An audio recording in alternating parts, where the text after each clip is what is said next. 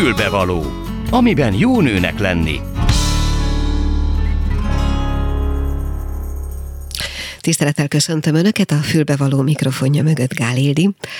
Azt gondoltam, hogy azzal, hogy kitört a nyár, hát szükségünk lesz az önbizalomra, úgyhogy azt gondoltam, hogy ebben a mai műsorban az önbizalom kérdéskörét járjuk valamelyest körbe, amolyan női szemmel.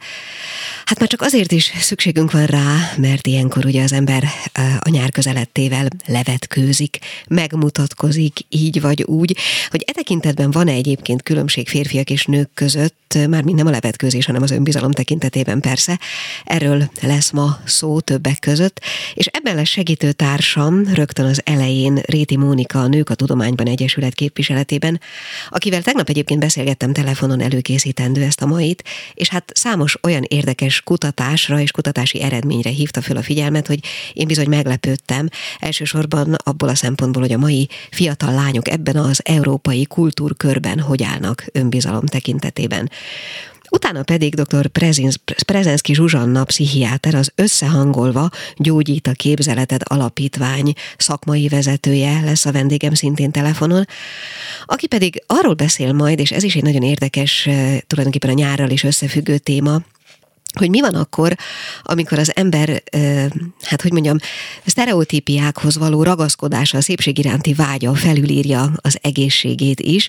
Olyasmire gondolok például, amikor mondjuk a fogyókúrában elveti a súlykot, vagy amikor olyan beavatkozásokat kér önmagán, tehát olyan plastikai beavatkozásokat, amelyek már akár az egészségének is árthatnak. Szóval innen indulunk, aztán majd meglátjuk, hogy hova érkezünk Prezenszki Zsuzsannával.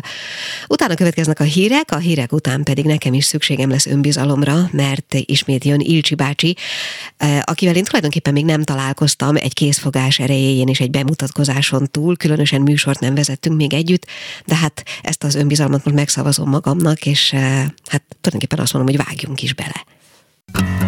Mi kell a nőnek? Egy fülbevaló. És a vonalban, ha igaz, akkor már itt van Réti Mónika, a Nők a Tudományban Egyesület képviseletében. Halló! Igen, itt vagyok. Üdvözlöm Önt is, és a hallgatókat is, és Jó köszönjük szépen a lehetőséget. Jó napot kívánok! Hát mi köszönjük a lehetőséget. Mondom, tegnap, azt most az előbb a bevezetőben elmondtam, nagyon érdekes dolgokat mondott nekem telefonon, csak kapkodtam a fejemet, és hát most azt gondolom, hogy ezt talán nagyjából meg kéne osztani a hallgatókkal is, de induljunk el talán mégiscsak onnan, hogy ugye élünk egy európai kultúrkörben, bizonyos sztereotípiák mentén gondolkozva akaralva vagy akaratlanul, és ezen a módon gondolkoznak azok a gyerekek, gyerekek is, akik mellettünk felnőnek. Tegnap említett nekem olyan kutatásokat, amelyek a fiatal lányoknak az önbizalomhoz való viszonyát vizsgálták. Talán induljunk innen. Rendben, ez egy nagyon izgalmas kérdés. Ugye a bevezetőben hallottam, hogy a, a megmutatkozásról van szó, ugye akkor mutatkozom meg, ha elég bátor vagyok, mert tudom, hogy elég jó vagyok hozzá, hogy megmutatkozzam. Két amerikai egyébként újságíró írta azt a, a kötetet, aminek az a cím, hogy az önbizalom kódja lányoknak, és ebben egy olyan kutatásra is hivatkoznak, amelyben interjúkkal nagyon-nagyon sok lányt, több mint majdnem 1400 lányt kérdeztek meg, és, és rengeteg önkéntes töltött ki nekik önbevallásos kérdőíveket is az önbizalmukról. Azt tapasztalták, hogy a 8 és 11-12 éves korosztályban az önbizalom mint egy ilyen gödörbe kerül. A legtöbb beszámoló arról szólt, hogy ezeknek a gyerekeknek a korábbiakhoz, meg a későbbiekhez képest is nagyon kevés az önbizalma, és a nemek közti különbség ott mutatkozott, hogy a lányok azok benne is maradtak ebben az önbizalom gödörben, és nagyon lassan másztak ki belőle, míg a fiúk egy idő után a saját teljesítményüket egészségesebben ítélték meg, és ezáltal aztán egyre nagyobb és nagyobb önbizalomról számoltak be. És rengeteg igen. Igen, bocsánat, csak azt akartam kérdezni, hogy ennek a gödörnek, amiben ilyenkor kerülnek a gyerekek, fiziológiai, egyszerűen növekedésbeli oka van, vagy valami más? Vagy is? Is, is. Is. Tehát, hogy biztos, hogy a, a, a kiskamaszkorban elinduló e, testi változások, aztán ilyenkor e, én erről most nem fogok nagyon hosszan beszélni, már nagy örömmel beszélnék órákig, mert nagyon érdekel a terület, és sokat is olvasok róla, de hogy az agyban e, e, található átvívő anyagoknak a, az aránya is megváltozik, és egy kicsit másképpen érzékeli e, a környezetét, és ebben nem mindig segít az, hogy a fiúk és a lányok másfajta visszajelzéseket kapnak otthon is, és más másfajta visszajelzéseket kapnak, legalábbis a kutatások szerint az iskolákban is sokkal jobban segítene, hogyha a lányok is például mondjuk olyan fajta visszajelzéseket kapnának, ami sokkal inkább és tárgyilagosabban a teljesítményükről szól.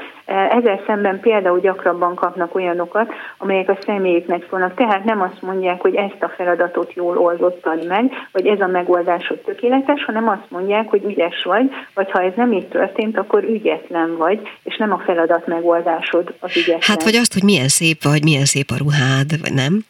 Tehát inkább... Igen, így van, uh-huh. így van.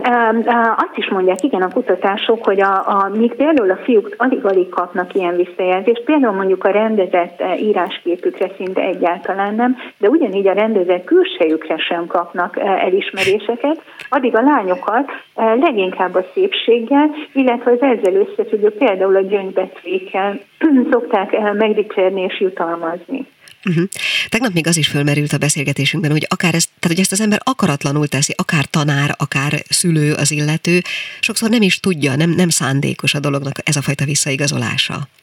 Ez így történik a kutatásokban, például a Carol Dweck kutatásaiban azt jelzik vissza eh, azok a tanárok, akiknek az óráit felvették és elemezték, és például mondjuk azt látják, hogy hétszer többször dicséri meg a kislányt azért, mert hogy milyen csinosan van felöltözve, vagy hogy milyen szép a, a, a, a füzete, amit vezet, mint ahogy a fiúkat, és ezek a tanárok azt mondják, hogy ő pontosan ugyanolyan jelzéseket ad eh, a fiúknak és a lányoknak, és valószínű a szándékában ez így is történik, de nyilván, hogy a, a felvétel pedig mást mutat. Uh-huh.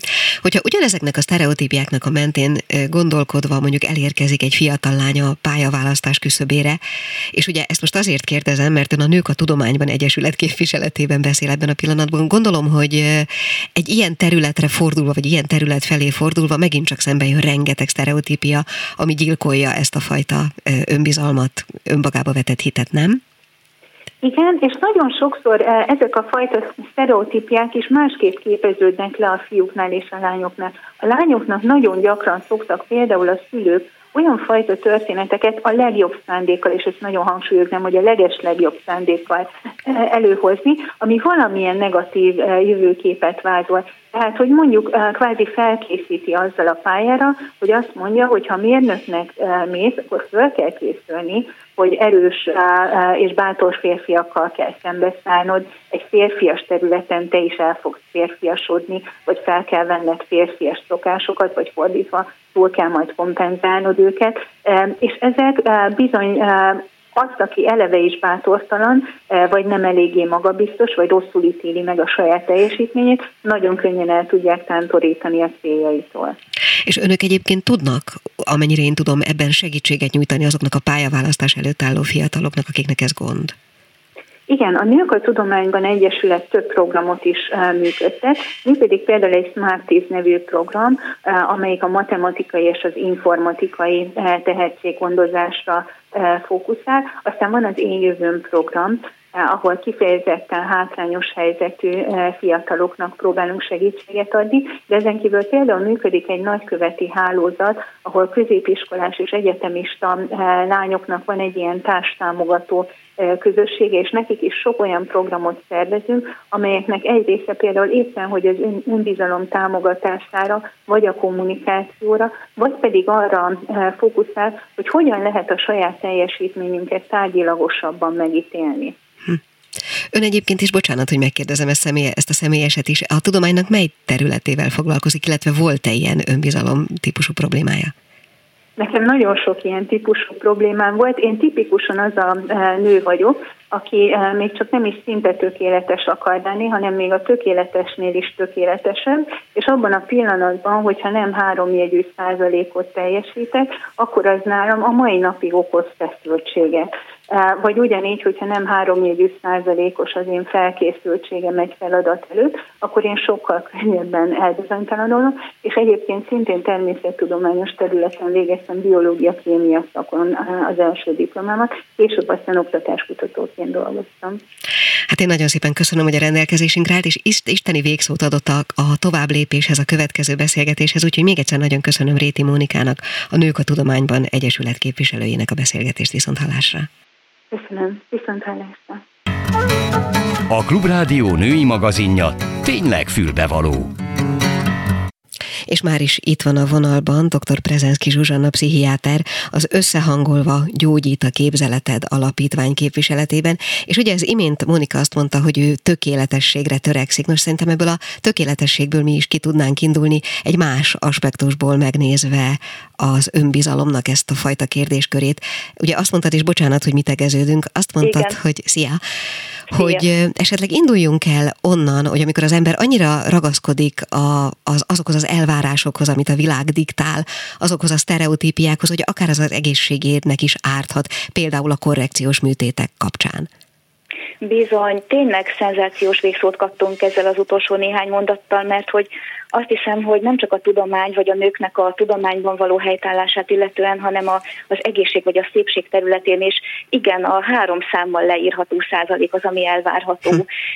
És, és azt gondolom, hogy ez, ez a fiatal, meg, a, meg az 50, meg 60, meg 70, meg 80 évesen fiatal nők életére nagyon erősen rárakódik.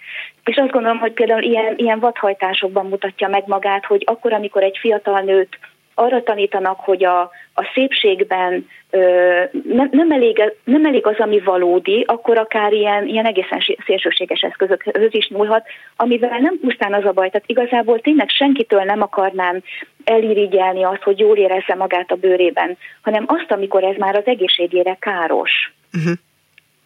Hol van, vagy hát nyilván te pszichiáterként máshonnan látod, de hogy lehet arra a dologra hatni, hogyha, vagy hol kezdődik, vagy nem is tudom, hogy hogy, hogy közelítsük meg ezt a problémát. Tehát amikor valaki már abban nő bele, hogy nem vagyok elég jó, azzal mit lehet tenni? Hú, az rettenetesen nehéz. És hogy itt megnézhetjük, hogy ennek milyen családi hagyományai, milyen családi gyökerei vannak, és milyen társadalmi nyomásban vagyunk.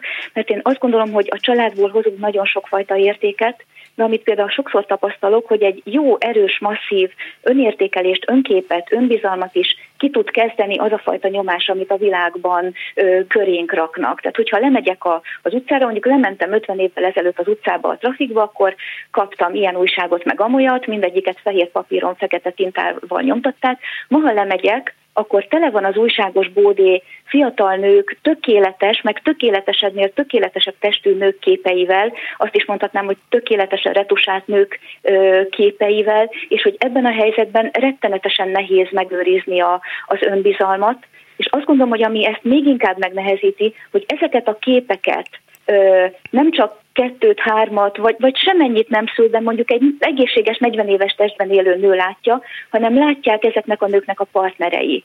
Vagy látják azok a férfiak, akik fiatal férfiak, akik társkeresőben vannak. És hogy kialakul egy ilyen borzasztó magas elvárás szint.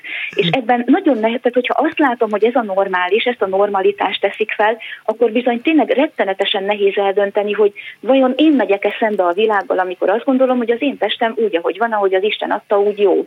Tehát, hogy hogy lehet korrigálni? Azt gondolom, hogy itt a felvilág, tehát a családon túl a, a kortárs közösségnek, a felvilágosításnak, elcsépeltnek és szlogennek tűnik, de a médiáknak óriási felelőssége van. Óriási megtartó ereje van egy normális jó kapcsolatnak, egy jó értékrendnek. Uh-huh. A, bocsánat, csak az, előbb, az előbbi gondolatodra föltenném a férfiaknak is azt a kérdést, hogy magának választ-e partnert, vagy a világnak? Hát ugye? igen, pontosan. Jó, ugye te dolgozol pszichoonkológusként is. Van-e ennek a két dolognak, hogy mondjam, tehát lehet-e olyan kóros lelki folyamata, ami aztán elvezet egészen a te közeli szakmádig? Igen, hogyne, hogyne, hogyha konkrétan a, a, a legközelebbi kapcsolatot nézem, akkor ez az emlő érintettsége és az emlő műtét, vagy az emlő korrekciós műtét, vagy az emlő elvesztésének a helyzete. Azt gondolom, hogy ez minden esetben nagyon nagy teher egy nőnek, akármilyen korú fiatal nőnek, de hogyha a világban ennyire él az a, az a mítosz, hogy, hogy, hogy melben is csak a százszázalékosan feszes fogadható el még a sokadik X után is, akkor ez plusz terhet tesz azokra a nőkre, akik valamilyen módon meg kell, hogy birkózzanak ezzel a helyzettel vagy azzal, amíg a korrekcióra várnak, vagy azzal, hogy a korrekció igazából soha, bár nagyon szépen meg tudják megcsinálni, de soha nem tudja azt az igazi formát visszaadni. Ez rettenetesen nagy teher. De ugyanígy bármi, ami kezelések kapcsán haj kihullással jár, hormonkezelések a haj megritkulásával, esetleg plusz kilókkal. Mert hogyha ez nehéz lenne egy nőnek a betegséghez kapcsolódóan, vagy az egészség visszaállításához kapcsolódóan, bizony nagyon nehéz lesz ebben a fajta elvárási rendszerben, ahol, ahol el elkezdik emiatt kisebbnek vagy kevesebbnek érezni magukat. Gondolom, hogy az is nagyon fontos lehet a te munkádban, hogy kiderüljön az érintettek számára, hogy nincsenek egyedül, magyarul, hogy csoportban is lehet működni, hogy, hogy a mások tapasztalatai adott esetben rajtam is segíthetnek, nem?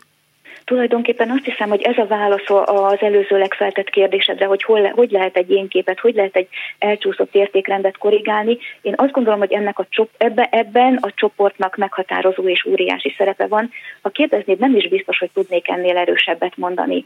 Ezért mondtam a kortárs közösséget, az érintetteknél például a hasonló érintettséggel rendelkezők csoportja iszonyatosan nagy erőt ad. Tehát ebben az elfogadottság közvetítése, az a fajta sűrű háló, amit szövünk egymásnak egymásból, az tényleg egy megtartó erő. Meg az ebbe a körbe bevonzódott férfiak, partnerek, segítőtársak nagyon sokat jelentenek. Na igen, pont erre gondoltam, hogy amikor az ember nem csak az érintettel találkozik, hanem az érintett közvetlen kapcsolatával, akkor, illetve inkább úgy kérdezem, hogy velük is tudsz foglalkozni, tudsz olyat mondani, amitől, vagy tudsz, igen, tehát amitől a, a partner kapcsolat is ilyen értelemben változhat? Nagyon jó lenne a partnerekkel foglalkozni, és azt gondolom, hogy nagyon sokakban felmerül ilyenkor az idő, vagy, vagy az igény, bocsánat, ami megnehezíti az az erre szánt idő mindkét oldalon. Tehát az ellátásban sokszor azt látom, hogy annyira el vagyunk árasztva az érintettekkel, hogy valahogy kiszorulnak a hozzátartozók, meg hogy a hozzátartozók oldaláról is azt látom, hogy akkora terhet jelent ez mindenféle szempontból, hogy pont a segítség kérése, vagy az ilyenfajta segítségbe való bevonódása szánódik a legkevesebb idő, vagy marad a legkevesebb idő, de hogy nekem nagyon kedves élményeim azok akár csoportokról, tehát ilyen, ilyen rehabilitációs csoportokról, amikor ott volt egy férfi, ott volt egy társ, és volt egy nagyon jó mondata a szépséget illetően, vagy a kort, vagy a plusz kilókat, vagy a, vagy a korrekciós műtétet illetően. Ezek a mondatok sokszor viccesek, sokszor kedvesek, de rettentő nagy, nagy erő van bennük, úgyhogy lehet, hogy fordítva van, hogy nem én segítek, hanem hogy ezek a mondatok segítenek nekem, hogyha tovább tudom adni, meg segítenek azoknak, akik meghallják uh-huh. hiteles szájból, férfi szájból. Bocsánat, hogy ezt is megkérdezem, csak most eszembe jutott, hogy, hogy a te munkádra, a szigorúan vett munkádra volt-e hatással a COVID elmúlt egy éve mondjuk?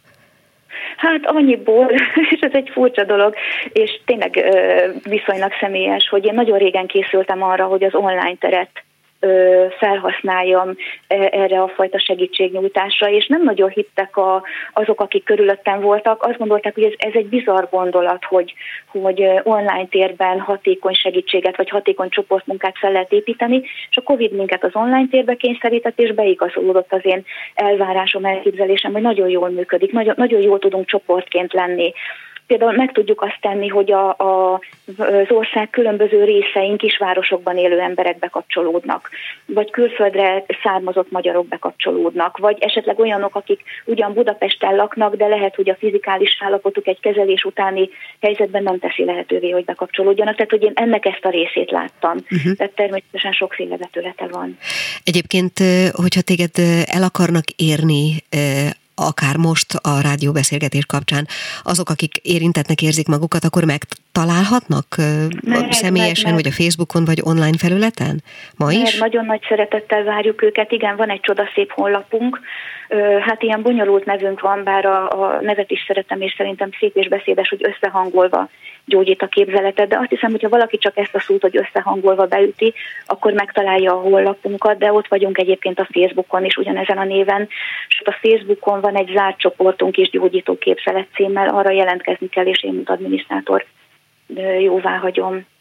Még kérlek, ahogy Mónikától is megkérdeztem, meg szeretném kérdezni tőled is, hogy személyesen az önbizalom és tulajdonképpen a tudományban való tevékenység, vagy egyáltalán a gyerekkorodból való felépülés vagy felnövés során okozott-e neked problémát? Hát azt gondolom, hogy a, a, az előttem szólókhoz csatlakozva bizony én is megküzdöttem azért, hogy elérjek oda a, a magamba való hitet illetően, ahova elértem, vagy inkább oda, hogy én már elfogadom, hogyha két számjegyel írják le azt a százalékot is, és megpróbálom amellett is szeretni magam, és megpróbálom ezt amennyire tudom hitelesen továbbadni és képviselni, mindig szoktam mondani viccesen, hogy amikor a, a hozzám fordulók megkeresnek, hogy általában én embereken nem javítani szeretnék, hanem rontani, a rontásnak abban az értelmében, hogy igen, igen, jó legyen ott a 80 is, meg a 80-90 körüli, becsületes 80-90 körüli az, az jó tudja lenni, szóval ebben meg volt nekem is a magam útja. Hm. És még egy utolsót kérlek szépen, ugye azzal kezdtük, hogy kezdődik a nyár, június 1 van. Azoknak, akik nem betegek, nem érintettek, nem kapcsolódnak szigorúan a te szakmádhoz, azoknak a hölgyeknek tudnál mondani valamit így a rádiadáson keresztül, hogy hogy vágjanak bele a nyári, egyáltalán a nyárba, a nyári levetkőzésbe, a nyári önátadásba, és még megint csak önbizalom szempontból. Ó, hát nagyon elcsépelt lesz, amit mondok, de mint minden elcsépelt szlogennek a mélyén van egy borzasztó komoly és mély üzenet, hát úgy, hogy szeressék magukat. Úgy, hogy olyan szemüvegen nézzenek ö, magukra, ö, a napszemüvegük mellé szerezzenek be egy olyan szemüveget, aki, amelyik annak a szemnek az optikáján keresztül mutatja meg önmagukat maguknak, aki őket a legjobban szereti. Hm. És hogy szeressék a kis hurkáikat, meg a, meg a, meg a, meg a nevetőráncaikat, meg a nem nevetőráncaikat, meg a tapasztalataikat, meg, meg, meg mindent, ami, ami, ami, ami szép és szerethető, meg hát leginkább éljük az életünket. Az nekem nagyon komoly tanulásom, amit a csoportokban a daganatos betegek között összeszedek, hogy az élet tényleg egy egészen különleges dolog. Vannak helyzetek, amikor ennek az értéke ilyen kiélezett krízis helyzetekben, mint egy diagnózis vagy egy diagnózis közeli állapot, nagyon, nagyon élesen villanó fénybe kerül, és hogy, hogy ne kelljen ehhez megvárni semmiféle krízis. Itt van és most van a nyár, és itt, itt, itt, itt és most vagyunk mi, és örüljünk neki. Hm. Hát azt, azt hiszem, hogy ennél jobbat én se tudtam volna mondani most itt végszó gyanánt, úgyhogy még egyszer Remélem, nagyon szépen. nem volt nagyon közhelyes. Egyáltalán nem, sőt azt gondolom, hogy megfontolásra méltó, meg hát élésre méltó, amit mondtál. Úgyhogy dr. Prezenszki Zsuzsanna pszichiáternek, az Összehangolva Gyógyít a Képzelet Alapítvány szakmai vezetőjének még egyszer köszönöm szépen, hogy a rendelkezésünkre állt. Szia! Köszönöm szépen én is, szia! A Klubrádió női magazinja tényleg fülbevaló. És hát folytatódik a fülbevaló, és most azt hiszem nekem is szükségem lesz önbizalomra, mert erre még nem volt példa, amit most fogunk csinálni. Itt a stúdióban velem Molnár Ferenc Ilcsi bácsi, akivel hát egy készfogás erejéig ez idáig bemutatkoztunk, de sokkal több nem történt, műsort még biztos nem vezettünk együtt, úgyhogy majd most. Üdvözlöm, tisztelettel köszöntöm. Keri csokolom, és köszöntöm a hallgatókat, és megígérem, hogy igyekszem segíteni. Jó, nagyszerű, köszönöm. Most már megküzdöttünk azzal, hogy bekapcsoljuk a az SMS falat, talán az most már működik, illetve hát ugye arról beszélgettünk az előzőekben, hogy az önbizalom meg a nyár hogy függ össze. Az ön aspektusából, vagy az ön olvasatában hogy függ össze? Hát a kozmetikával abszolút összefügg, és ugye van egy görög mondás, azt hiszem, hogy talán Arisztotelész mondta, de ne róljanak meg, hogyha rosszul tudom, hogy a szép embernek eleve 50%-kal nagyobb sikere van mindenben. Persze a szépség, mint olyan, az egy nagyon elvont fogalom és botorság is lenne az abszolút szépséget felhozni, hanem én ezt átfordítanám arra, hogy az ápolt embernek. Uh-huh. Tehát igenis az, aki mondjuk férfiben nem egy Alan Delon, bár mondjuk nem biztos, hogy minden hallgató tudja, hogy ki volt, vagy ki az az Alan Delon, vagy éppen nem biztos, hogy Bridget Bardot, mint fiatal korában. Tehát nem kell az Alan Delonnak, vagy Bridget Bardotnak lenni. Egy a lényeg, hogy ápolt legyen. Legyen uh-huh. rendezett a haja, a keze, a körmei, a bőre természetesen, és akkor az már fél siker eleve az embereknél. Mondjuk a nyári időszakban egy picit könnyebb dolga van az embereknek, mert hogyha valaki összeszed már egy kis barnaságot, az már eleve feldobja az embernek a kinézetét, mert ez szép napbardított a bőr mindenkinek jól áll, és hát ezért is kapcsolódik, akkor ugye itt mondom a kedves hallgatóknak, hogy a, hogy a kérdezők között majd három darab paradicsomos krémet fogunk kisorsolni, ami hát a, az idő előtti barnolás segíti elő, azért idő előtti, mert olyan finom növények vannak benne, mint a körömvirág, a sárgarépa, a berkenye, a sárgadínye, és sorolhatnám tovább, melyek, illetve a paradicsom, az egyik legfontosabb, ugye a paradicsom a likopin miatt, a többi növény pedig a karotinai tartalma miatt felgyorsítja a természetes barnulásnak a kialakulását, tehát senki ne gondoljon arra, hogy valami önbar, önbarnító szutyok lenne benne, hanem eleve a, a szervezetünknek, a bőrünknek a természetes barnulását gyorsítja úgy fel, hogyha mondjuk valaki lent van a balcsin egy hétig, akkor elér egy bizonyos szint, na most a paradicsomos krémmel ugyanezt a szint kettő nap alatt el tudja érni, tehát ennyire fel. De azért a napfény kell hozzá. Természetesen. Napfény nélkül nem megy. Igen, igen. Hát azért is mondtam, hogy nem valamilyen vegyszeres szutyok van benne, hanem a természetes anyagok gyorsítják fel a barnulást. Mert egyébként is bocsánat, hogy én ennyire óvodás vagyok e tekintetben, meg szőkenő, meg szóval tényleg nézzel, nekem egész nap a sztereotípiákról beszélgettünk, vagy egész órában. De hogy e, tehát amire, ami a szutyok, az egyébként úgy működik, hogy abba, abba ne, még a napfény se kell hozzá, és úgy is barna lehet? Igen, nem kell hozzá a napfény, tehát olyan, az bizonyára nem sok jó Vannak tesz. olyan ön, úgynevezett önbarnítók, amik a napfénytől teljesen távol állnak, tehát nem kell hozzá, és annyiban örülök, hogy belekapaszkodott a szutyokba, bár mondjuk Igen. egy kozmetikai műsorban azért eléggé diszonáns, de, de azért örülök, hogy belekapaszkodott, mert én azt mondom, hogy hála Istennek mindegy két hete a fogyasztóvédelmi hatóság egy országos, hogy úgy mondjam, raziát, vagy el, ne is razia, de ellenőrzést tart a bio és naturkozmetikumoknak a piacán, mert rengeteg ferdítés, csúsztatás, ha nem élő műsorban beszélgetnénk, lehet, hogy még keményebben fejezném ki magam, olyan átverések vannak, ahol olyan hangzatos címekkel, mondatokkal látnak el bizonyos kozmetikumokat, amelyek köszönő viszonyban sincsenek a minősített natur vagy minősített biokozmetikumokkal, csak kihasználják az embereknek a jó hiszeműségét, és akkor látnak egy-egy ilyen panelszerű szót, ami arra utal, hogy ez egy bio vagy natur kozmetikum lehet, de közben nem az, csak ebben megtévesztik a fogyasztókat, a vásárlókat.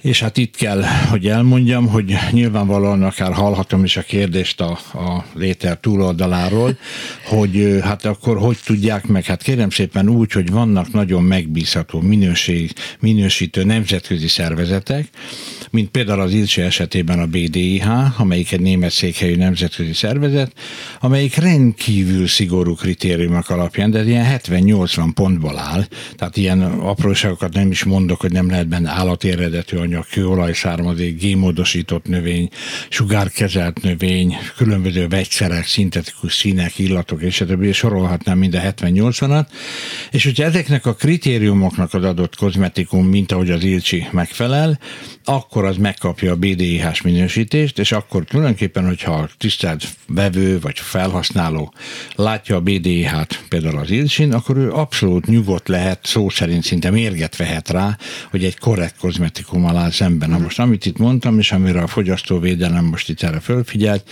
hogy számtalan olyan lózungot, számtalan olyan csúsztatás hangzik el a kozmetikai piacon, amelyek nincsen, igaz, nincsenek igazolva hatósági szempontból.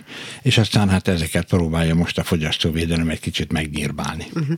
Hát az biztos, hogy amiről, amit én most kérdezni fogok, vagy amire te, te, terelném mondjuk a beszélgetést, az már sokszor elhangzott.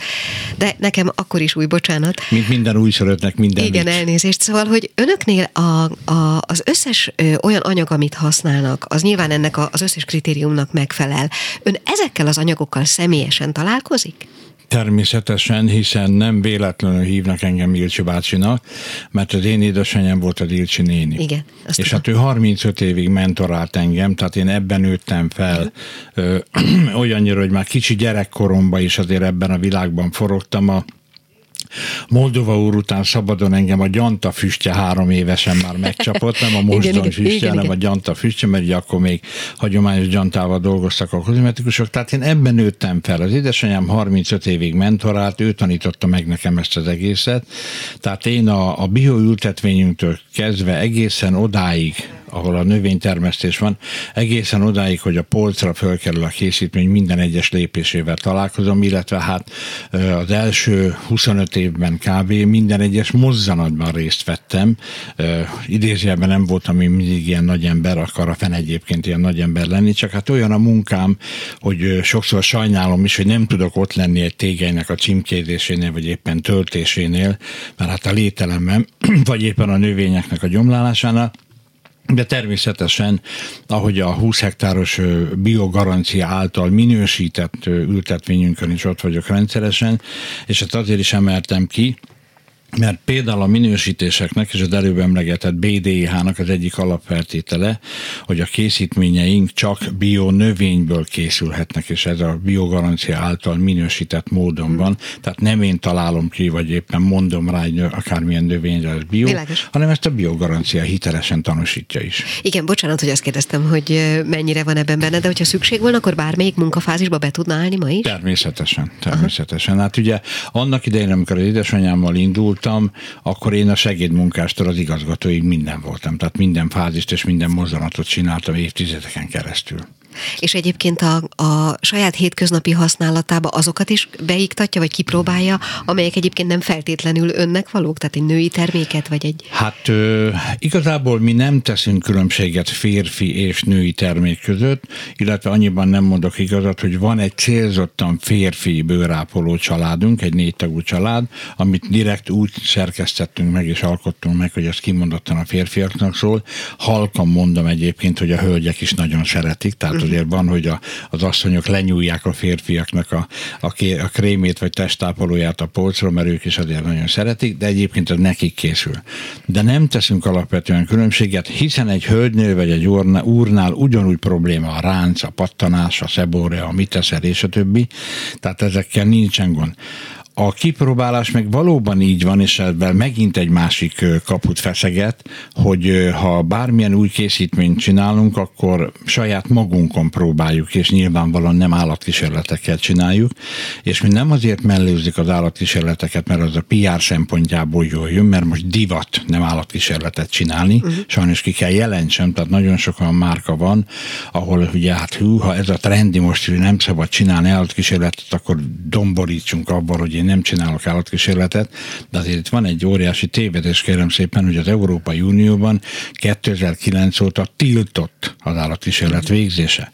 Tehát akkor, amikor valaki veri a mellét, hogy ő nem csinál állatkísérletet, ez kb. olyan, mint hogyha az engem igazoltató rendőrnek avval büszkélkednék, hogy nem vagyok részeg, és nem úgy vezetek. Igen. Hát ugye a részegen nem lehet autót vezetni, hát mint ahogy nem lehet állatkísérletet sem csinálni. Szóval, amikor egy új készítmény formálódik, akkor saját magunkon kipróbáljuk, és aztán amikor amikor már kezd ö, kristályosodni az egész, akkor vannak úgynevezett referencia kozmetikusaink, akik egyébként csak a dilcsivel dolgoznak, több mint százan vannak az országban, és ő nekik adjuk ki a gyakorlati kipróbálásra, és hát a vendégek meg boldogan fogadják, mert ugye tetszik, nem tetszik, egy kis ingyen kezelés, mert egy kipróbálás alatt álló anyagnál természetesen így van, és akkor formálódik ki, de amikor ők megkapják a készítményeinket, akkor az már kb. 98 98%-os állapotban Aha. van. Egy ilyen úgynevezett finom hangolás még lehet, hogy előfordul, és amikor minden rendben van az égvilágon, akkor jön az Európai Uniós regisztráció, és utána jön aztán a BDH által a, a vizsgálat és az engedélyeztetés és a minősítés megszerzése. Kérdezhetek még személyeset? Hát azért Nem jöttem. baj? Jó. Akkor azt látom a szemén, ahogy így beszélgetünk, hogy úgy csillog, hogy csak nap. Szóval, hogy azt látom, hogy ezt nagyon-nagyon szereti, ezt az egészet így, ahogy van. És valószínűleg azt gyanítom, hogy nem csak azért, mert belenőtt és mert az édesanyja mellett ezt kellett csinálni, hanem egyszerűen szenvedélyesen szereti és kész. Köszönöm szépen, hogy észrevette, nehogy a feleségemtől kikapjak, hogy itt egy csinos hölgy jelenlétében ennyire csillog a szemem, de elnézi nekem, hogy tényleg a szakma szeretet csillog a szemembe. Egyrészt, ugye nekem van hét gyerekem, és nekem a nyolcadik gyerekem az Ilcsi. Tehát én mint a gyerekemre úgy nézek rá. A másik pedig az, hogy számomra nincsen fenköltebb dolog, és most megint egy át két variált idézetet mondanék, hiszen ugye van az a régi görög mondás, hogy az embernél nincsen semmi se csodálatosabb, ugye itt a, a élő világra, az egész életre mondják. Én ezt egy picit átformáltam, hogy a nőknél nincsen semmi se csodálatosabb. Tehát szerintem a nő a legcsodálatosabb teremtménye jó, a Jóistennek, és ezeknek a hölgyeknek a szépségéért, a jó állapotottságáért dolgozni, ez nekem sose volt munka, ez nekem mindig szenvedély volt, és megint csak egy ősi kínai mondást tudok mondani, hogy ha a, hobbi, ha a munkád a hobbid, akkor sose fogsz dolgozni, hanem mindig a hobbid a tűzött, és ugye hát a hobbiben benne van az, hogy az ember azt mindig szívesen csinálja bármikor. Hm.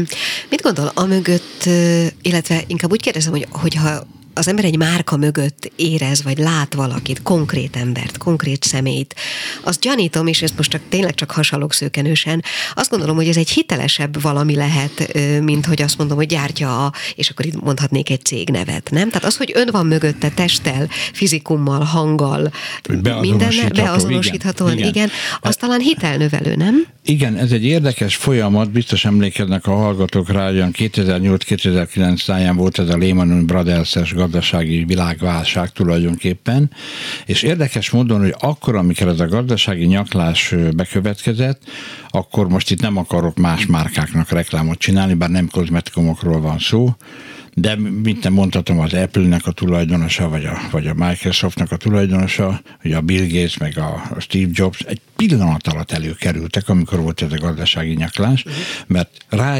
rájöttek, hogy avval tudják erősíteni a piacnak a bizalmát, hogyha áll egy ember mögötte, beazonosítható a márka, és valóban nagyon jól látja, hogy akkor, amikor van pusztán egy cég, és, és hát akkor oké, okay, van egy márka, de, de, de nem tudják azonosítani, azonosítani, de hogyha az adott márkát személyhez tudják kötni, akkor valóban ö, sokkal nagyobb a bizalom a vásárló részéről. Arról nem beszélve, és azért ezen dolgozom a nap 24 órájában 25-öt, hogy ezt a bizalmat nem is szeretném elveszíteni, mert ezt egy pillanat alatt el lehet veszíteni, és hogyha valaki akár évtizedekig épít valamit, és 5 percnyi hiteltelenséggel a 25 évi munka is dugába dőlhet. Uh-huh. Tehát mindig hitelesnek kell lenni, és ezért tartom például nagyon fontosnak, ezeknek a nemzetközi minősítéseknek a meglétét, mert hogy ne azt mondja a kedves felhasználó, hogy persze itt ez a pali össze volt hetet havat, meg azt hiszi, hogy azért, mert az Ilcsi fia volt, akkor itt beszélhet a levegőbe, a vakvilágba, hanem igen, kérem szépen, én elmondom, hogy hogy meg mint van, de tessék, én mellé tudom tenni a nemzetközi szervezet, szervezeteknek a hiteles minősítését. Uh-huh. Közben a hallgatóknak mondom, hogy nyugodtan hívjanak bennünket, illetve nem tudom, hogy életre kelte az SMS falunk valamit csinál, de hogyha ha, telefonon gondolják, akkor az biztos, hogy ö, tudjuk közvetíteni. Uh, igen, én látom egy, látom az SMS falat, mint mutatja nekem Ilcsi bácsi, csak nem látok rajta új SMS-t, úgyhogy lehet, hogy én nem tudom még jól kezelni a dolgot. Mindegy, tehát hogyha hívásuk van, akkor azt mindenképpen tudjuk fogadni, illetve igyekszünk reagálni az SMS-re is. Még egy kérdés, hogyha esetleg kapcsolódnak hozzá talán a hallgatók is hogy volt-e olyan, ugye a hitelességről beszélgetünk, hogy volt-e olyan, hogy, és most csak a saját múltamban is kutatok, hogy amikor a legjobb szándékkal az ember készít valamit, odaáll, oda kínálja, és valamitől mégiscsak félrecsúszik, és egyszer csak e, oda kell állni személyesen, és azt mondani, hogy bocsánat. Ilyen előfordult valaha? Hál' Istennek nem. Nem. Nem, nem. Uh-huh. Ö, ö, azt kell tudni, hogy a természetben baromi nagy rend van.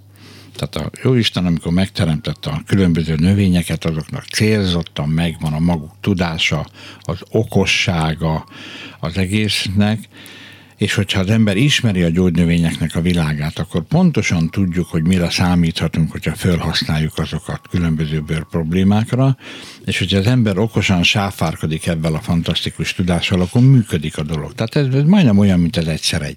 Hm. Tehát hát én úgy rakom össze, akkor ott a kétszer kettőnek négyre kell az kijönni, az nem lehet érte.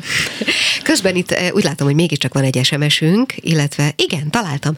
A tökéletes barnaság 40 felé a cél, eh, karotinos testápolót lehet-e használni, ha jól olvasom? Ez a kérdés. Ö, tulajdonképpen lehet, de én mégis a kedves kérdezőt ösztökélném a paradicsomos krémnek a használatára, mert a paradicsomos krémben a paradicsom is benne van. A karotin extra testápolóban a nagyon magas karotinoid tartalmú növényeink, mint a berkenye, sárgadínye, sárgarépa, körömvirág van benne, de ahhoz kell még a paradicsom is, ugye a paradicsomnak a likopin tartalma. Úgyhogy én azt, azt javaslom a kedves felhasználónak, hogy amikor kint van és strandol, akkor használja a paradicsomos krémet, és akkor az esti tisztálkodás után pedig ebben a karotin extra testápolóval kenje át magát, mert az meg viszont viszont nagyon jól működik olyan szempontból, hogy a barnaságot segít megőrizni ah, minél aha. tovább. Annyit azért szeretnék elmondani a paradicsomos krémünkkel kapcsolatosan, hogyha vannak új hallgatóink, de hála Istennek nagyon komoly törzs hallgatója van a műsornak, hogy is sokszor elmondtam már, hogy ez faktorszám nélküli, tehát ez nem napozó. Uh-huh. Tehát ennek nincsen faktorszáma. Ugye önnek akkor elmondom, mert ugye önnek újdonság lesz mindenképpen, hogy mi egy négy-öt évvel ezelőtt kivonultunk a napozó piacról, mert olyan uniós előírás született, ahol meg volt szabva, hogy bizonyos faktorszámot teljesíteni kell mindenképpen, Egyébként csak olyan készítményt lehet napozónak nevezni, aminek legalább 15-ös a faktora, aminek kisebb az nem nevezhető napozónak sem, de ezek a faktorszámok csak kőkemény vegyszerekkel érhetők el. És akkor azt mondtam én, és azt mondta az Ilcsi, hogy akár testületileg, hogy én nem vagyok hajlandó az embereket kenegetni ilyen kemény vegyszerekkel, hanem akkor inkább legyünk óvatosak, a déli órákban viseljünk egy vékony fehér blúzt vagy inget, szalmakalapot, üljünk be egy árnyas fa alá, akkor ott költsük el az ebédünket, vagy uram, bocsá, ígyunk egy fröccsöt, Igen. és hát, tehát ne a tűző napon legyünk, uh-huh de ha mégis olyan az hogy kint vagyunk, akkor egy nagy karimái szalmakalappal, egy vékony fehér blúzzal meg tudjuk oldani, és egyébként az összes köztes időszakban pedig ezt a paradicsomos krémet használjuk. Valaki azt kérdezi, hogy kenhetem-e vele a két éves kislányom bőrét is, illetve valaki más pedig azt kérdezte, hogy a kilenc hónapos gyermekre használható-e? Ö, nagyon kényes kérdés a kisgyermekeknek eleve a naposztatása, illetve a napon lévője. Az a, lény, az a lényege a dolognak, hogy nagyon csínyán bánjanak a, a kisgyerekeknél, mert ugye nagyon gyenge kis vékony bőrük van még, és azért is van az, hogy például a, a szülők, akár az anyukák, apukák szembesülnek vele, hogy hát én csak egy árnyas parkba sétáltam a gyerekkel, vagy a hm. babakocsiba tologattam, és a rúdalózó kilógó kis lábacskája vagy karja, hogy megkap a nap, mert a reflektáló fénytől is le lehet tulajdonképpen égni, de emellett a bőrüknek az ápolására, illetve a természetes barnaság kialakulására nyugodtan használhatják. A következő kérdés az úgy szól, hogy a mennyire jó a paradicsomos testápoló nappalra? Hát eleve, eleve ez egy nappali használatú, tehát ez nem testápoló, hanem egy tulajdonképpen egy nappali használatra van, ugye a, a napozásnak és a barnolásnak az elősegítésére, ahogy az előző kérdezőnől fölvetődött a karotin extra testápoló, tehát ez az, amit fürdés után kell használni. A paradicsomos krém az abszolút nappali használatú, és természetesen nem csak testre, hanem az arcra is kell használni, hiszen hát már ugyan állítólag vége van a télnek, de én megvalom őszintén hogy tegnap előtt még a kemencébe befűtöttem, úgyhogy szégyen ide, szégyen oda. Bizonyos Azért én még volt. befűtöttem, de hát állítólag jön a nyár már, csak ugye arra akartam utalni, hogy a téli szezonban, a téli hónapokban is beszéltünk róla, hogy a síjelőknek is ajánlott volt használni ezt a paradicsomos krémet, mert a síjeléskor a kilátszó arcukat abban kenegették. Ezt most felolvasom, mert nagyon aranyos lett az elütés, amivel a hallgató írt. Így szól, hogy kedves Ilcsi bácsi, napenergiás unokám használhatja a paradicsomos testápolót, gondolom napallergiásra gondolt. Igen, igen. Na most az a helyzet, hogy annyiban fájlalom, hogy a, a régi klasszikus paradicsomos napozónkat, mert nekünk volt napozónk, csak mi a gyűjtnövények erejével oldottuk meg, csak amikor bejött ez a vegyszerkényszeres, vegyszerkényszeres napozó készítési szabály, akkor ugye el kellett, hogy hagyjuk, mert nekik egyébként nagyon jól működött a paradicsomos napozónk a napellergiásoknak is. Ettől függetlenül azt javaslom a kedves kérdezőnek, hogy szigorúan betartva ezt a déli árnyékban létet, próbálják ki a paradicsomos krémet, mert jó esélyt látok rá, mert ugye eleve a benne lévő növényeknek olyan hatása van, van egy nagyon erős nyugtató hatása is, akár a körömvilágot említhetném, vagy akár említhetném magát a paradicsomot is, tehát hogy próbálja ki nyugodtan, hogyha abszolút biztosra szeretne menni a kedves hallgató, akkor eleve minden kozmetikum kipróbálás használásánál azt szoktam javasolni, hogy a könnyék hajlatba, honnan a vért is veszik a vénától, a könnyék hajlatba ott a legérzékenyebb a bőrünk. Aha. És akkor oda egy picit lehet kenni a könnyék hajlatba, és akkor ott egy 5-10 percen belül nem jelentkezik semmiféle pirosodás, vagy egy uh-huh. ilyen allergiásnak tűnő valami, akkor nyugodtan akkor lehet használni uh-huh. a test és az arc bármelyik felületén. És mint egy SMS, mikor lesz nagyobb kiszerelésben is elérhető a paradicsomos testápoló, ez a kérdés? Hát ezt sokszor a fejemhez kapom, mert pláne, hogy egy család kivonul, akkor két nap alatt elkeni kb. Az a helyzet, hogy, hogy a piaci igényeket figyelembe véve mégis nagyobb az igény a 100 ml-esre, mint a, mint a 200 ml-esre. Úgyhogy sajnos egyelőre nem tudom biztatni a kedves hallgatót, hogy nagyobb legyen a kiszerelés. Még egy SMS, kedves Ilcsi bácsi, mi a véleménye az SPF tartalmú arckrémekről? Hidratáló krém fölé vigyük-e a fényvédőkrémet? Ja, Istenem. Igen? Most ugye vonalban vagyunk, tehát tudom jó, hogy sóhajtotok. Én nem vagyok híva a fényvédőknek, mert ugye itt vannak ezek a fényvédős krémek, ezeket is csak vegyszerrel tudják elérni. Gyorsan eldarálom, mert ugye rohamosan fogy az időnk. Azt kell tudni, hogy csináltak egy vizsgálatot egy jó pár évvel ezelőtt, és kiderült, hogy a, a hölgyek esetében mintegy 400 különböző vegyület van akkumulálódva az emberi testben, az uraknál kb. 250, valószínűleg azért, mert hogy mi kevesebbet mosogatunk vagy takarítunk. Tehát a lényeg az, hogy a takarítószerek, az élelmiszerek okán olyan őrületes vegyszer terhelése van a szervezetünknek, hogy én nem akarok még egy lapáttal rátenni. Tehát mm. én személy szerint nem vagyok híve az olyan krémnek, amelyiknek SPF, tehát egy fényvédő tartalma van. Millió olyan praktika van, ahol a, a fényvédelmet meg lehet csinálni. Ugye pláne ebben az esetben, amikor arckrémet használunk, hát akkor ez leginkább akkor van, amikor az ember dolgozik. Jó, van, aki a strandon kabinos, hát persze, hogy sokat van kint a szabadban, vagy fürdőmester, de hát azok, akik az irodában dolgoznak, azoknak teljesen fölösleges a, a fényvédővel terhelt krémet használni, hanem igenis a fény fényvédőmentes krémet javaslom, és természetesen az ilcsit.